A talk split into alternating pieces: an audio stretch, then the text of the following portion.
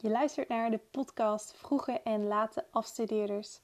Ik ben zelf een bijna afgestudeerde student en ik wil jou meer vertellen over mijn ervaringen als bijna afgestudeerde. Hoe is die transitie van student naar werkende? Ik ga mijn ervaringen en tips met jullie delen. Ben je benieuwd geworden? Luister dan vooral verder. Hallo, hallo. Welkom weer bij een nieuwe audio-opname. En misschien, zoals jullie al verwachten, gaat het vandaag over de perfecte student. Dit is dus de audio-opname die ik als eerste heb opgenomen, die totaal mislukt was. Ehm, en nu ga ik hem dus opnieuw doen. En de vorige ging over uh, ja, mij een beetje, het algemeen jullie mij leren kennen en Ehm, ja, wat ik die dag allemaal had gedaan. En ja, dat, dat, dat was echt even zoeken naar waar ga ik precies over praten. Want ik heb heel veel ideeën. En ik heb het ook allemaal opgeschreven. Maar een zwaktepunt van mij, dan weten jullie dat nu alvast, is om te blijven focussen op één onderwerp. Dus ik, dat hebben jullie misschien ook in de vorige aflevering gehoord. Maar ja, die was gewoon één grote chaos. Ik sprong van de hak op de tak en ik, ja, ik, ik miste een beetje die rode lijndraad. En dat ga ik vandaag wel proberen te doen. Ik probeer een beetje bij het thema te blijven. Maar als ik dus weer afwijk, alvast sorry. Dan uh, moeten jullie dat maar gewoon uh, voor lief nemen. Maar ja, dat straalt ook wel weer enthousiasme uit, denk ik dan. Maar ja, als je onderzoek gaat doen, dan is het niet heel erg uh, handig. Zoals bij het doen van een scriptie. Schrijf maar eens een introductie als je moeite hebt met focussen. nou, dat kan je wel voorstellen dus. Maar toch, om uh, bij het onderwerp van vandaag te blijven, lijkt het soms alsof ik wel een perfecte student ben. En dat, dat zeg ik niet zelf, maar dat heb ik wel eens vaker van, van mijn vrienden of ja, familieleden gehoord. Of dat uh, ja, het feit dat je een gesprek hebt en je krijgt die complimenten, maar ook echt één keer letterlijk dat een vriendin zei van, nou Iris, jij hebt het allemaal wel goed op orde. Je bent een beetje de perfecte vriendin. Je hebt goede cijfers gehaald. Je zit nu in de master. Je hebt een leuke vriend. Een tof huis met superleuke huisgenoten. Je leeft gezond, bent sportief. Je bent super creatief. Je houdt van bakken en zo. En je doet allemaal leuke projectjes. Je bent nu weer een taal aan het leren. Spaans in dit geval. Je hebt een super goede stageervaring gehad. Dat uh, overkomt ook niet iedereen. Dat kan nogal tegenvallen, hoor ik soms wel. Dus ja, als je dat allemaal zo gaat opnoemen inderdaad, dan denk ik ook wel, ja, ja, ja dat ging allemaal wel soepel, ja. En ja, dat loopt ook wel lekker. En soms gaat het voor mijn gevoel ook wel ietsjes te snel. Omdat dan de rest om me heen uh, het wat rustiger aandoet. Niet iedereen trouwens hoor, maar het merendeel. Dus dat ze een tussenjaar nemen, uh, wat langer over de vakken doen een extra dit en extra dat. En ja, ik heb ook wel overwogen om dat te doen. Vooral om ehm, de studie een beetje te rekken. Niet met een tussenjaar, want ik zou begot niet weten wat ik moet gaan doen met een heel jaar niet studeren en niet echt werken. Nou, ik ga dan, dan liever iets, ja, gewoon mijn tijd nuttig indelen. Maar, maar ja, dus ik heb gekozen om gewoon door te gaan. En um, en nu, ja, waar ik nu ben, is dat ik vakantie heb, maar alsnog een beetje door het werken ben aan mijn scriptie, omdat ik uh, mijn resultaten al had uh, ontvangen. Ik doe namelijk een enquête bij Spaanse boeren, uh, olijfboeren, precies te zijn. En nou, ik had ze een maand gegeven om te reageren op mijn enquête. Het zijn er maar twintig trouwens. Door corona-omstandigheden mag ik niet meer. Um, de steekproef is dus heel klein, helaas. Maar ja, daar moet ik het mee doen. En binnen een week hadden ze allemaal gereageerd. En ik dacht, nou, oké, super tof. En daar, daar krijg ik dus echt motivatie van. Als ik, ja, dit soort stappen, als het gewoon zo vanzelf gaat. En dan denk ik, oh, ik wil verder, ik ga door. Dus ja, ik dacht ook, nou, Iris, ga maar door. En dan, toen kreeg ik allemaal nieuwe plannen. Toen dacht ik, nou, dan ga ik ook eerder afstuderen. Dan ga ik het niet meer uitstellen tot uh, max januari. Nee, ik ga het gewoon al eind oktober doen. En dan wil ik al een baan vanaf november. Dat zou perfect zijn.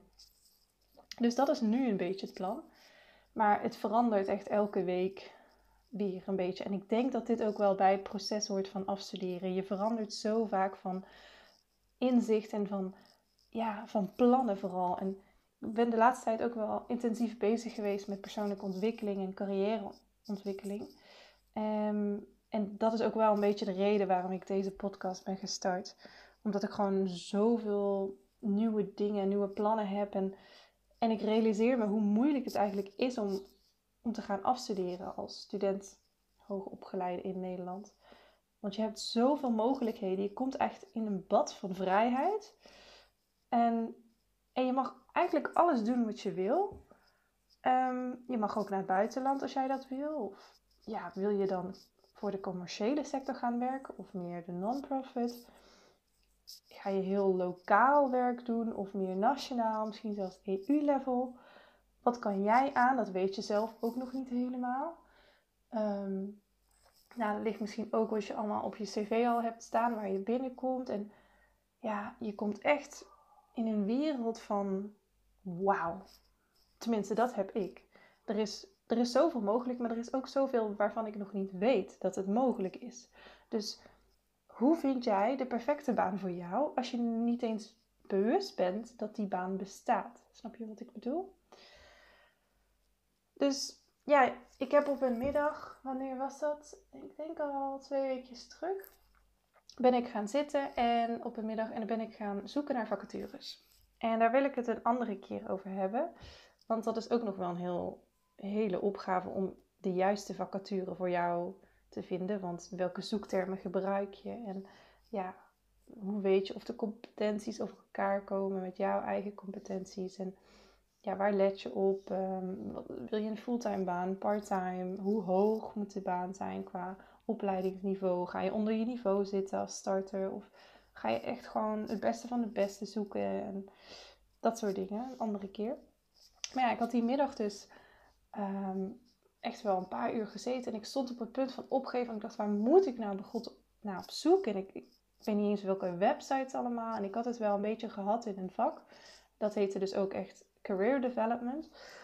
Uh, maar ja, dat was ook weer een beetje weggezakt. En, en het is toch weer anders als je echt serieus op zoek gaat. Dat was meer een oefening natuurlijk. En uiteindelijk kwam ik toch bij een leuke vacature uit. En daar heb ik gewoon op gesolliciteerd. Nou ja, hele improvisatie eigenlijk. Dus daar ga ik de volgende keer iets over vertellen. Van hoe is die sollicitatie verlopen en waar zit ik nu op dat moment met die sollicitatie? Hoe lang duurt het voordat ze reageren? En wanneer kom je door de eerste ronde? Is er nog een ronde? En wanneer word je dan aangenomen? Hoe gaat dat allemaal? En ja, misschien is dat ook wel uh, een ding waardoor het lijkt alsof ik een, een best wel goede student ben. En ik wil even zeggen, de perfecte student, nou, die bestaat gewoon niet. Jij bent de perfecte student op jouw manier en iedereen doet het op zijn eigen manier. En ik vind dat ik het goed doe als student, maar er zijn ook zeker dingen waar ik niet tevreden over ben of waar iemand anders het helemaal niet mee eens is met hoe ik mijn traject als student heb doorlopen. Ehm, maar dus vooral wat ja, wel van belang is, is hoe een persoon, dus een vriendin of misschien iemand die je net pas hebt leren kennen, hoe die naar jou kijkt. En dat klinkt dan een beetje vaag, maar ik bedoel echt als hij ziet of zij ziet alleen maar wat er goed gaat en wat beter is uh, bij die ander dan bij haar of hemzelf. Dus ik heb dat ook. Ik kijk ook op naar andere studenten. Ik heb een hele goede vriendin. Die, uh, die is officieel nog bezig uh, met de bachelor. Of ja, ze begint nu in de master.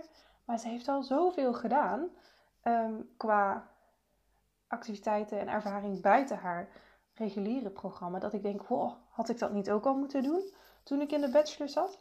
Daar word je ook onzeker van.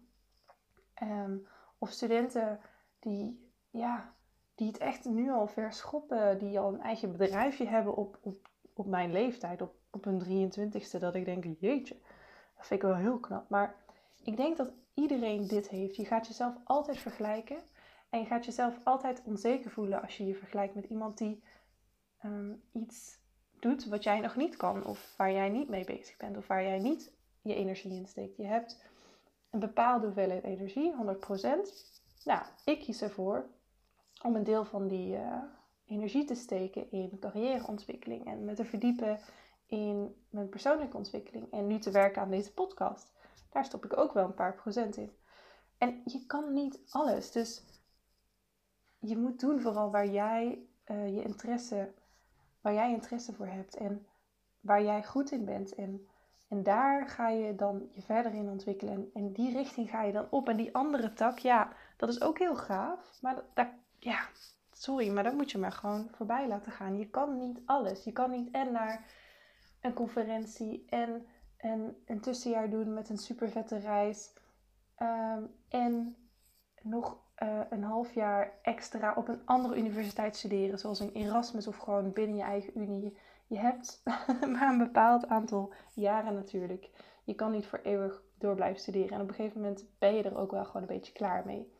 Dat heb ik zelf ook gemerkt. En die switch die kan echt heel snel zijn. Want ik weet nog heel goed, dat was het eerste jaar van mijn master. Dus eigenlijk gewoon vorig jaar, vorig uh, academisch jaar. Toen dacht ik echt, nou ja, poeh, ik hoef nog maar twee jaar. En uh, dan moet ik gaan werken. Dat kan ik me nu echt niet voorstellen. Dat dacht ik toen. Nou ja, en dan, dan heb je je vakken klaar. Ik heb dus in Wageningen één jaar vakken en dan scriptie en stage of andersom dus, stage scriptie. Maar ja, toen ik ging zoeken voor een stage, werd ik echt wel enthousiast van het werkleven. En ook toen ik die stage had afgerond, ja, toen moest ik wel nog mijn scriptie. Wat ik op zich niet erg vond, want ik dacht, oké, dit is echt wel een mooie overgangsfase. Want dan kan ik nog een beetje student zijn, maar toch al los gaan laten. En dat gaat niet vanzelf. En toen in het tweede jaar, dus begin van dit academisch jaar, toen ineens, um, toen dacht ik, nou, ik ben er eigenlijk wel, wel klaar voor. Maar ja, dan, dan zit je nu hier in deze tijd. Uh, het is, um, vandaag was er weer een persconferentie en ja, um, het gaat niet heel goed met Nederland. Ook niet. Het aantal uh, gevallen gaat toch weer stijgen. De introductieweken voor de studenten zijn ja, eigenlijk afgelast. Ze vinden online plaats. Nou, vreselijk. Ik snap het ook wel, want ja, het is gewoon heel risicovol als alle uh, jongeren gewoon contact blijven hebben. En ik moet eerlijk toegeven, ik zit ook gewoon op een terrasje met een vriendin of met een kleine vriendengroep en we zitten niet anderhalve meter uit elkaar. En ja, het is gewoon heel lastig om je daaraan te houden. Maar we moeten echt af en toe weer wakker geschud worden. Dus vandaar ook, het is gewoon heel zuur dat dit nu niet door kan gaan, die introductieweek. Maar het is misschien wel het beste. Maar ja, in ieder geval. Um, ja, nu weet ik dus niet meer waar ik het over had. Omdat ik zo'n afwijking had gehad. Van onderwerp. Ik, um, ja, ik wil je eigenlijk wel een paar tips geven over hoe je misschien wel de perfecte student kan gaan worden. En um, daarbij heb ik me laten inspireren door een boek. En dat boek heet Nooit meer de weg kwijt in je brein. En het is geschreven door Kees Kraaienveld en Suzanne Weusten. Het is een gids voor helder denken. En ja, ik heb dit boek eigenlijk gevonden of gekregen bij mijn vorige bij mijn stage. En dat was dus een cursus die wij deden daar als onderzoekers. En uh, ja, dat was, ze hadden al één cursus gehad, één cursusdag. En ik heb de tweede mogen meedoen. Ik heb dus ook het materiaal erbij gekregen. Dat was dus dat boek. En um, ja, dus dat, ik vind het gewoon een tof boek, want het werkt met heel veel visuals. En het gaat over hoe je jouw mentale levensstijl kan verbeteren. Eh, hoe, hoe ons brein eigenlijk werkt. En hoe je denkfouten kan herkennen. Dus omdat wij zo verdrinken in een, chaos van data en zoveel toegang hebben tot alles, is het soms als onderzoeker heel moeilijk om ja, je te onderscheiden van, van wat heb ik nodig en wat is waardevol voor mij en hoe betrouwbaar is het en hoe ga je om met, met informatie en hoe verwerkt je brein dat. Um, en te noemen op een gegeven moment ook een, um, de twee mentaliteiten van Carol Dweck. En uh, daar hebben ze ook een hele mooie visualisatie van. Ik heb hem nu ook voor me liggen. En aan de ene kant uh, beschrijven ze uh, de gesloten mentaliteit van iemand. Dus dat intelligentie echt iets statisch is. En aan de andere kant beschrijven ze de groeimentaliteit. En dat is dat, dat je intelligentie kunt ontwikkelen. Um, ik wil er niet heel diep op ingaan nu.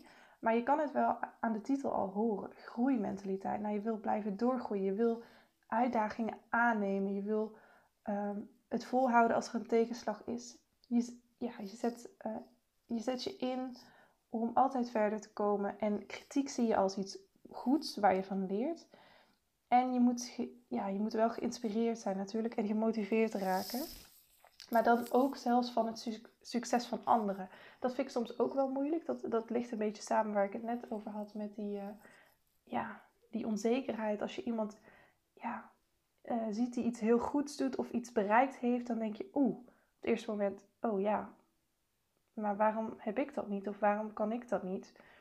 Maar eigenlijk, wat je dan moet doen, is blij zijn voor diegene en daarop juist gaan, um, ja, daarop enthousiast worden en zelf geïnspireerd van worden. En dat betekent niet dat je hetzelfde moet gaan doen.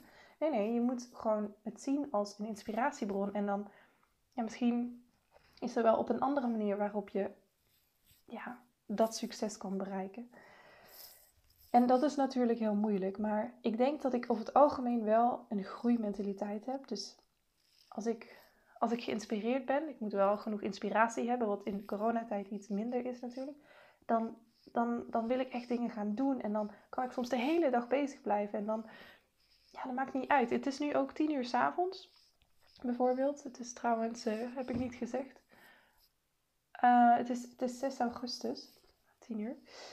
En ja, als je gewoon enthousiast bent en als je je ergens voor wil gaan inzetten, dan ga je dat ook doen, ongeacht hoe moe je bent of welke tijd van de dag het is of in welke fase van je leven je bevindt. Of, hè. Ook al heb je misschien een tegenslag, nou, je, je, je wil gewoon door blijven gaan, want je bent zo gemotiveerd. En aan de andere kant is dus die gesloten mentaliteit. En goede voorbeelden daarvan zijn, nou, als er dus een tegenslag is zoals corona, dat je gewoon, ja, denkt, ik gooi dan doek in de ring en laat ook maar, hè. Ik kan het niet en um, zie je nou wel dat, dat ik hier niet klaar voor ben? Of zie je nou wel, dan, dan laat je het lot bepalen dat je het niet kan. Maar op dat moment moet je juist, ja, je mag wel even zeuren, maar, of piekeren, maar dan moet je jezelf bij elkaar gaan rapen en zeggen, nee, oké, dit had zo moeten zijn. Maar dan ga ik kijken wat er nu op mijn pad komt. En, en er komt veel meer op je pad dan je denkt als jij dus een groeimentaliteit hebt. Want als jij eenmaal iets voor je ziet en, en ja, enthousiast bent, dan komen dat soort dingen ook op je pad. Of die personen komen op je pad, die komen naar je toe. Ja, ik heb ook wel eens een podcast geluisterd van, van een meid. Die, uh, die sprak heel veel over de wet van aantrekking. Ik vind het dan een beetje te, te zweverig, maar daar komt het wel op neer. Alles wat jij, als jij gemotiveerd bent en je wil iets heel graag, dan komt dat vanzelf naar je toe. Um, dus een ander voorbeeld van die gesloten mentaliteit is dat als je kritiek krijgt, dat je dat echt ziet als iets negatiefs en je gaat het gewoon negeren. Je denkt, nou ja, hallo, wat heb jij over mij te zeggen? Ik, uh, ik probeer hier een mooie presentatie te geven. Je geeft me alleen maar kritiek. Of misschien van je begeleider van je thesis. Uh, geeft alleen maar negatieve feedback. Dat je denkt, nou, hè, ik doe ook helemaal niks goed. Of, maar dat heeft een reden. Daar kan ik ook een keertje over praten. Kritiek van je supervisor. Ze hebben gewoon relatief weinig tijd. En als ze ook nog een goede kritiek moeten geven. Niet dat nooit een supervisor dat doet hoor. Dat doen ze altijd wel een beetje. Maar over het algemeen is het vooral negatieve feedback. Maar dat moet je dus niet zien als negatieve feedback. Het is gewoon feedback. En jij kan daarmee doen wat jij wil. Je kan het verwerken of niet. Half verwerken. Hè? Het, is, het is jouw keuze. Maar het is wel iets. Ik zie het altijd zo. Als ik feedback krijg, dan is dat um, een vorm van interesse van degene die het leest of, of die het luistert. Ook als ik bijvoorbeeld feedback krijg op deze audio-opname. Nou, dan betekent dat dus dat iemand oprecht is geïnteresseerd in het luisteren van deze audio. En dat hij daar kritiek op heeft. Dus het is eigenlijk ook wel weer een compliment. En als diegene nou, ja, wat zou die kunnen zeggen? Misschien zegt hij, nou Iris, je zegt te veel e, of je praat te langzaam, of ehm, je microfoon is slecht. Nou, oké, dat kan zo zijn. Um, maar ja, ga ik daar iets mee doen? Misschien wel, misschien niet. Ja, dat, dat, moet je gewoon verwerken. En zien als iets om van te leren. Misschien nog een laatste voorbeeld van de gesloten mentaliteit. Uitdagingen vermijden. Hoe? Maar dat kan ook te maken hebben met dat je nog niet gelooft, nog niet, gelooft in jezelf. Misschien heb je een moeilijke tijd gehad en zijn er veel dingen achter elkaar mislukt. Of ja, moet je jezelf nog bewijzen. Dat, misschien heb je dat gevoel wel tegenover jezelf of tegenover anderen. En misschien zit je in die negatieve spiraal van, nou ja, dit is niet gelukt, dan lukt dat ook niet. En hè, kan ik dan wel die master doen? Of hè, kan ik dan wel dat vak doen wat zo moeilijk is, heb ik gehoord. Maar als jij nooit een uitdaging meer gaat aannemen, dan kan je jezelf ook niet meer bewijzen. Dus er moet even een goede ehm, ja, uitdaging op je pad komen, waar je echt voor durft te gaan. Het moet ook wel goed voelen. En je moet niet iets gaan doen wat echt te ver buiten je comfortzone ligt. Want dan, nee, dan ga je er zo negatief in, dan, dan gaat het ook niet lukken. Maar iets wat net iets buiten je comfortzone ligt, wat je denkt van, oeh, dat, dat is moeilijk, maar dat moet te doen zijn. Of je hoort van mensen om je heen die zeggen, nee, dat kan jij. Dan moet je dat ook gewoon gaan doen. En weet je, begin eraan en je ziet wel waar je eindigt. Als je de uitdaging niet eens had genomen, dan was je niet waar je nu bent. Want alle stappen in je leven die je tot nu toe hebt gemaakt, vanaf je middelbare school tot aan ja, bachelor, master, je hebt altijd uitdagingen moeten nemen en kijk waar je nu bent. Je, misschien ben je er iets langzamer, maar je bent er wel. Dus blijf uitdagingen aannemen en waardeer ze. Want ik, ik word daar oprecht zo blij van. Ik kan niet een leven zonder uitdagingen aan. Ik ga me zo snel vervelen. Ik heb ook nu nu gaat het iets beter. Ik heb weer meer dingen op mijn pad. En ik zie september komen. En oeh, het gaat weer lekker druk worden. Maar ja, toen we midden in uh, de lockdown zaten. Of ja, we hadden natuurlijk niet een volledige lockdown. Maar ik was echt wel een beetje aan het spiekeren. En ik dacht van, nou ja, waar moet ik naar uitkijken? Ik, had, ik heb een lange afstandsrelatie. Dus mijn vriend, ik kon hem niet opzoeken. Ik had hem super lang niet gezien. En ja, ik zat thuis bij mijn moeder ik had mijn vriendinnen ook al een tijdje niet meer gezien. En ja, dat is ook niet goed, want je moest nou eenmaal afstand houden en zoveel mogelijk thuis blijven. En je hebt niet, ja, er komen gewoon zoveel minder uitdagingen op je pad. En dat was natuurlijk niet te voorspellen. Want eigenlijk had ik een super coole uitdaging in die periode uh, kunnen hebben. Ik was namelijk al een maand in Spanje en toen moest ik terugkomen, zoals ik eerder vertelde in mijn vorige audio-opname. En ik had dus uh, liefst met mijn scriptieonderzoek die boeren willen interviewen in het Spaans. En ik had dus uh, in Córdoba willen wonen voor bijna vier maanden. En ik dacht ook wel toen ik begon van oei, misschien is dit een beetje te veel. Het was en Spaans leren en wonen in een ander land en met mijn vriend wonen. Maar goed, ik dacht dat ik er wel klaar voor was, want ik wilde gewoon die uitdagingen allemaal aangaan. En nu, bam, alles weg. Ja, maar zo zijn er ook echt veel nieuwe paden open.